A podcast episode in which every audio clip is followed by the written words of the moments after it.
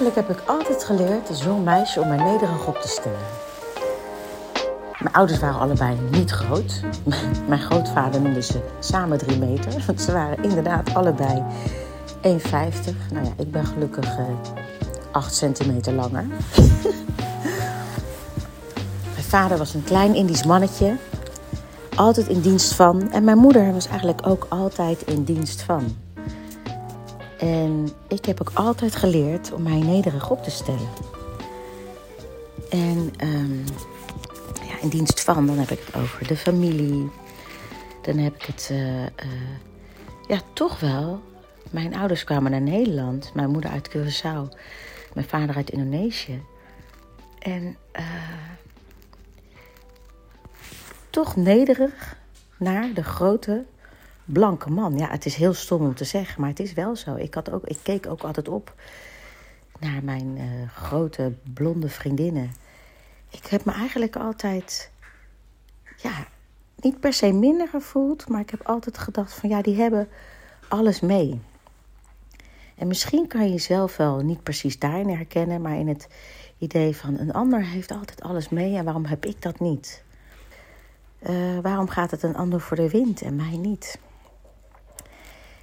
En eigenlijk door heel veel gebeurtenissen in mijn jeugd, nou dat is alweer een heel andere podcast, maar ik heb eigenlijk vaak de neiging gehad om te vluchten. En ik dacht dus als klein meisje altijd, als ik groot ben, dan sta ik op het podium. En dan ben ik helemaal in mijn element en ben ik helemaal blij. Dan kan ik compleet mezelf zijn. Ik heb nooit echt op het podium willen staan voor roem.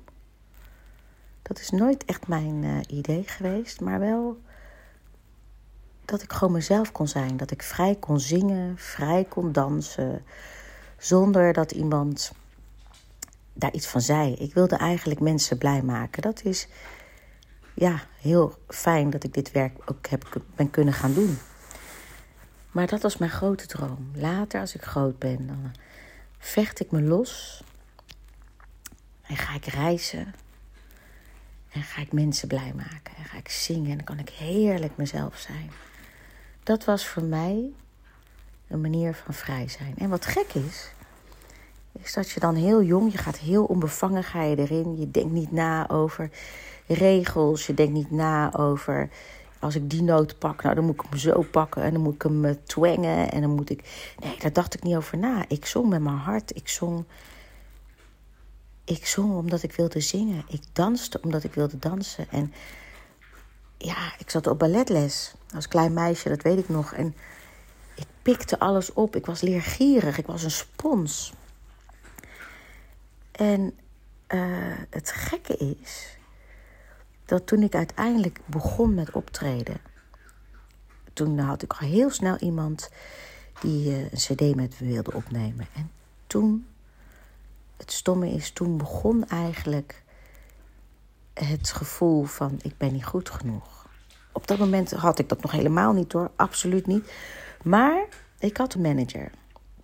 Een hele grote man, gespierd. Een soort uh, knappe, ja, een soort Arnold Schwarzenegger figuur was dat. En uh, ja, daar keek je heel erg tegenop, weet je wel. Die, die, eh, die zat helemaal in het Hilversumse wereldje. En uh, die zou mij eens groot maken. Zo heb ik eigenlijk heel veel mensen om me heen gehad die mij gingen vertellen wat ik moest doen en die mij groot zouden maken.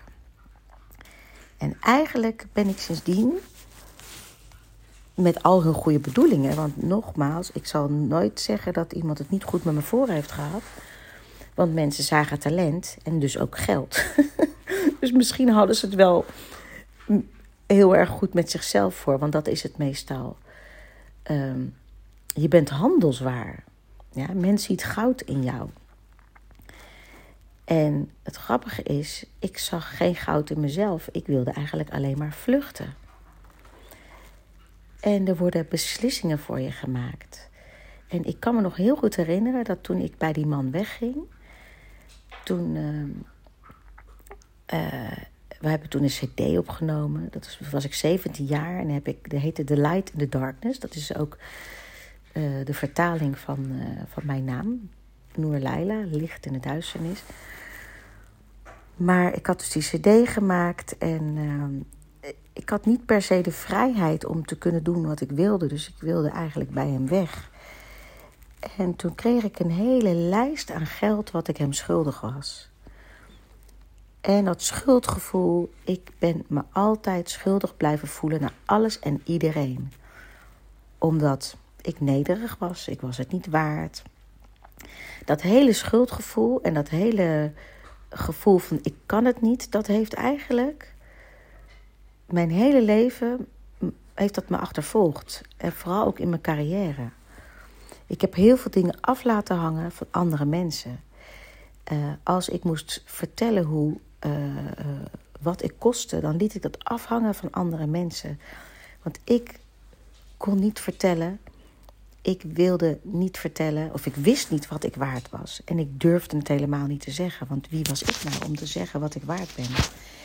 Ik heb altijd een ander laten bepalen wat ik waard ben. En dat is eigenlijk wel een beetje de tendens die er nu, of die er in dit vak heerst. Want het grappige is, de leerlingen die ik nu zie en die ik ontmoet, met wie ik werk, die zijn eigenlijk allemaal afhankelijk van de buitenwereld. Wat vindt de buitenwereld van mij? En hoe raar is dat als je iets doet vanuit je hart, als je iets doet vanuit een passie, dat je alleen maar bezig bent met wat de buitenwereld van je, um, van je denkt of van je vindt. Daarnaast heb je ook nog als creatief iemand. Ja, weet je, de ene denkt creatief, de andere denkt zakelijk. Maar het is eigenlijk niet goed dat wij als creatieve mensen niet weten hoe het werkt in de zakenwereld. Want een ander ziet jou als handelswaar. Een ander zet jou in de markt. Nou, hele extreme voorbeelden zijn natuurlijk Michael Jackson, Elvis Presley, uh, Elton John. Kijk maar eens naar die films. Dat, uh, Bohemian Rhapsody met, met uh, Freddie Mercury. De managers die helpen de artiesten op weg. Maar die zien die artiesten ook als eigendom en als handelswaar. Dat is toch eigenlijk verschrikkelijk? En ik heb tot nu toe altijd gedacht: ja, kan je me alsjeblieft helpen? Want ik weet niet hoe dat moet. Er zit dus in dat, in dat artiestenwereldje zit er een heel wereldje aan. En dat is, dat is dat zakenwereldje waar wij als artiesten totaal niks van af weten. En eigenlijk laten we ons leven. Dus we denken dat we een vrij beroep hebben. En we denken van, goh, uh, ja, ik doe wat ik wil. Ik volg mijn passie. En ondertussen, ondertussen zijn wij gewoon handelswaar. Ja, het is heel stom om te zeggen. Maar het gekke is, is dat ik dus ook constant en, en, nogmaals, men bedoelt het niet zo, want je wordt erbij geholpen en het is ook iets wat al jaren zo werkt. Het is niet anders. Maar ik zelf, dat heb ik in mijn huwelijken gehad. Ik ben twee keer getrouwd geweest. Dat heb ik ja, in andere relaties, in relaties tot vrienden, in, in, in relatie tot mijn werk heb ik altijd zoiets van: ik kan heel ver gaan, maar als ik het gevoel heb dat iemand mijn leven wil bepalen. En dat is heel veel gebeurd, want ik heb heel veel dingen gedaan dat ik dacht van verdorie, waarom heb ik dat gedaan? Waarom ben ik niet uh, uh, op mijn eigen benen gaan staan? Maar steeds als ik toch dat beklemmende gevoel heb, ga ik weg. Dus mensen kunnen het verwarren met uh, dat ik uh, een fladderaar ben en wegren. Maar ik geef het eerst aan, van je gaat over mijn grens. Maar er is een gevoel in mijn buik dat als ik denk, oh iemand profiteert nu van mij, dan ben ik weg. Dus het is heel dubbel. Aan de ene kant heb ik mezelf mijn hele leven te klein gemaakt. En aan de andere kant is er dan toch iets als het te ver gaat. Dan ben ik weg. En dat is eigenlijk helemaal de reden waarom ik mijn academy ben begonnen om artiesten wakker te maken, op eigen benen te staan en je eigen prijs te bepalen. Ehm, gewoon te staan voor wie je bent. Te staan voor wat je doet. En niet je hele leven en je carrière af te laten hangen van andere mensen, maar de touwtjes in eigen handen nemen. als jij naar audities gaat en als jij uh, uh, constant afgewezen wordt, of als mensen maar het niet in jou zien, wie zijn die mensen om te bepalen dat jij het niet hebt? Wie zijn die mensen om te bepalen hoe jouw leven loopt? En bij mij is het ook te vaak gebeurd. Ik heb veel te veel geld weg laten gaan. Ik heb veel te veel mensen gewoon maar wat gegeven omdat ik dacht ik ben er niet waard. Ik heb mezelf veel te goedkoop verkocht omdat ik dacht van ja, dan zien mensen mij tenminste. Nee, iedere stap die je neemt moet je nemen vanuit passie. En moet je nemen omdat je voelt dat je het moet doen. Maar hoe kom je bij dat gevoel? Want dat zijn we een beetje kwijtgeraakt. Eigenlijk zijn de meeste artiesten die ik tegenkom altijd afhankelijk van een producent. Altijd afhankelijk van een manager. Durven niet voor zichzelf op te komen. Ik had een tijdje terug een snabbel. Iemand belde mij voor een snabbel. En tot nu toe heb ik altijd een agent gehad die voor mij de snabbels regelde. En uh, diegene vroeg aan mij wat, ik, uh, ja, wat mijn prijs was. Nou, dat vind ik heel moeilijk. Maar ik heb nou, daar heb ik ook een hele module voor uh, in, mijn, in mijn academy. Als je eerst de kick-off doet en dan een tweede module, dan, ja, dan ga je helemaal jezelf neerzetten en prijs bepalen. Dus dat heb ik bij mezelf ook gedaan. Ik heb mijn prijs bepaald. Dus ik zei tegen diegene: Ik zei, luister, ik, laat me heel even nadenken. Ik kom terug met een offerte. En dat is voor mij heel moeilijk, hè, dat soort dingen. Offertes maken. Maar het is niet zo moeilijk, want er zijn tegenwoordig zoveel mooie, mooie uh, programma's die je kunnen helpen. Ik werk in Moneybird. Nou, daar staat alles voor je kant en klaar. Je hoeft alleen maar de bedragen in te vullen. Dus dan stuur ik een offerte. En diegene zei tegen mij: Heb jij niemand die, voor, die dit voor jou regelt? Oh. Toto, hou eens op. hou eens op. Diegene met wie ik uh, aan de, diegene die die snabbel voor me had, die zei tegen mij: Maar heb jij niemand die dat voor je regelt? Heb je geen agentschap? Toen zei ik: Nee. Nee, want ik bepaal toch zelf wat ik wil uh, verdienen. En toen zei diegene van: Maar jij moet toch eigenlijk gewoon alleen maar leuk en mooi zijn en zingen. En dat een ander de zaken voor je doet. En toen dacht ik: En dat is nou precies wat ik niet meer wil. Ik wil niet meer dat een ander voor mij bepaalt wat ik waard ben. En ik wil niet meer mijn hele leven in een andermans handen leggen. En wat heel erg leuk is, uiteindelijk heb ik mijn prijs aan haar verteld. Ik heb mijn offerte gestuurd en ze accepteerde. Ze vond het een heel mooi bedrag. En dat voelde zo lekker. Ik wil geen marionet zijn. Ik wil niet alleen maar die leuke, lieve zangeres zijn. Nee, ik ga staan voor wat ik waard ben. En dat doe ik in alle liefde, met een grote glimlach. En als je dat niet wil, is het ook goed. En er gaat niemand van mij profiteren. En ik moet je zeggen, het is een hele lange weg geweest. Ik vind het ontzettend spannend en moeilijk. Maar als je voor jezelf alvast neerzet wat je wil en als je daar helemaal achter staat en daarin gelooft, heb je niemand nodig. Laat ik het zo zeggen.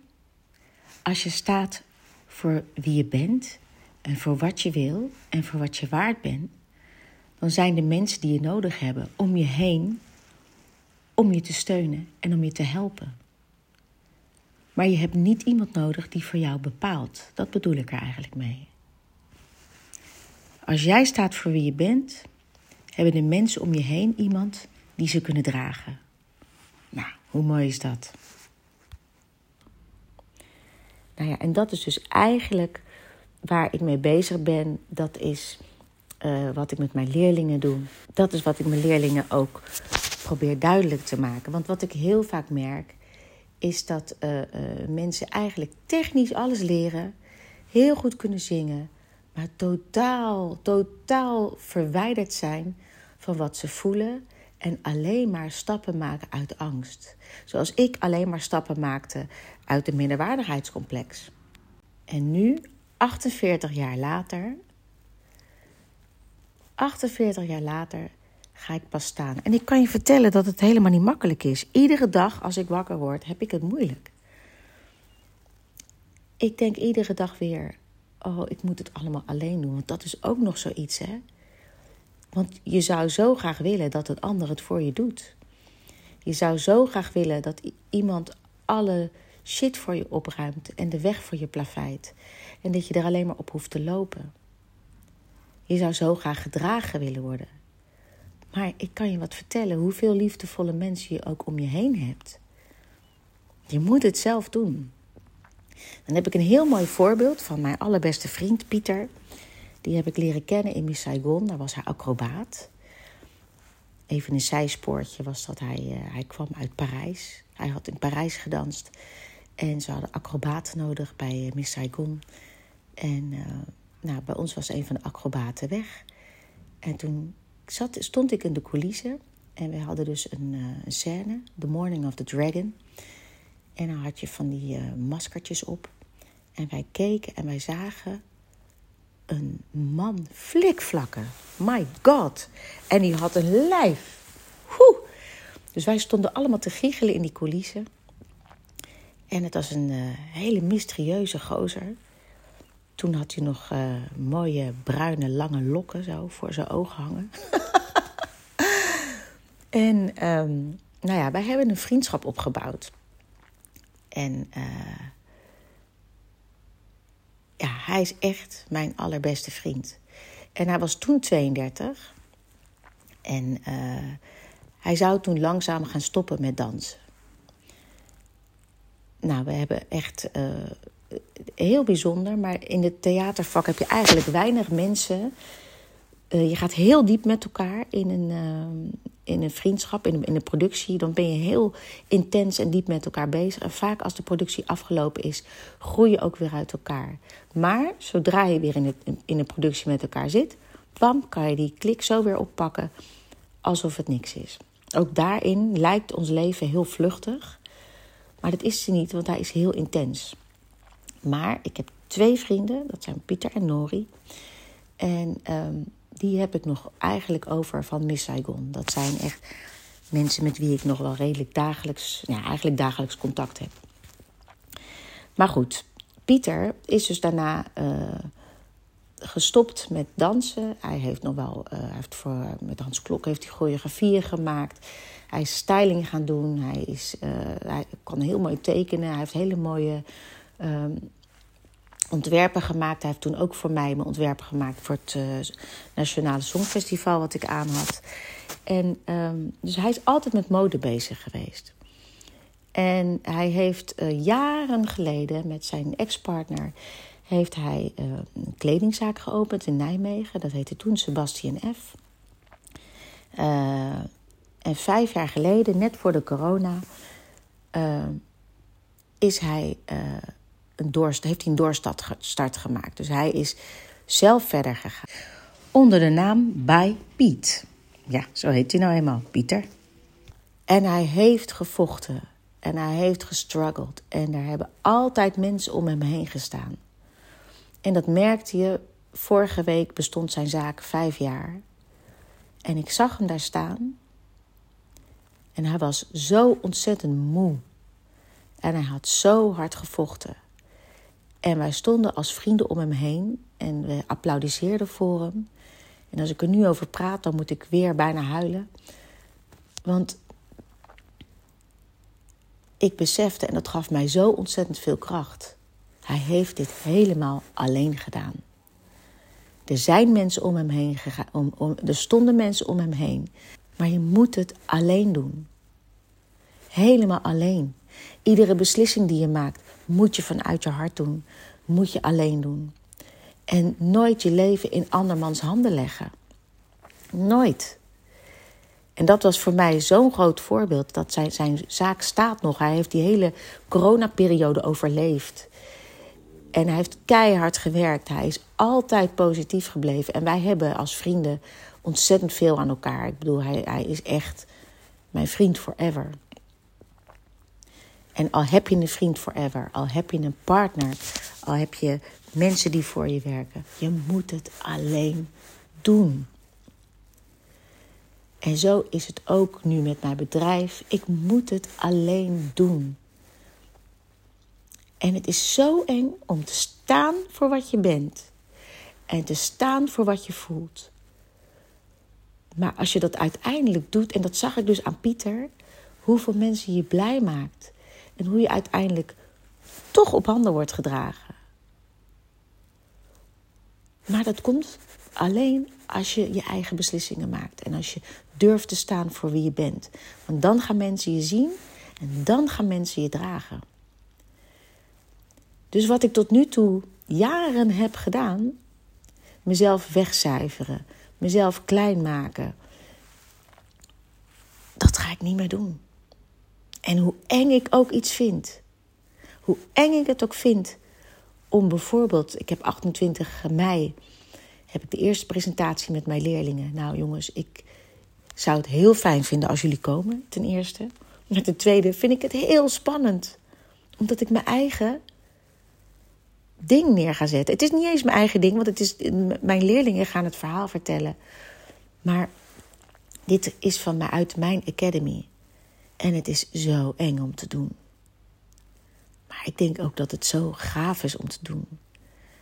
En als je iets doet vanuit je hart, geef je nog wat extra's. En kan je nooit iemand de schuld geven dat het niet is gegaan in je leven zoals jij dat wilde. Weet je, dat is eigenlijk mijn aller, aller, allergrootste nachtmerrie. Dat stel je voor. Dat als ik tussen die vier zes plankjes kom te liggen, dat ik dan denk: shit, had ik dit maar gedaan. Dat ik dan niet meer terug kan. Dat ik niet alles uit het leven heb gehaald wat ik eruit kon halen. Ik heb altijd zoiets van: ja, wij wachten maar tot wij naar de hemel gaan. Om beloond te worden. Zo zijn wij geconditioneerd. Ja? Wij dromen van die prins of prinses op het witte paard. Wij dromen van die redder. Wij dromen van die savior die je weg komt halen. Maar dat eigenlijk ben jij dat zelf.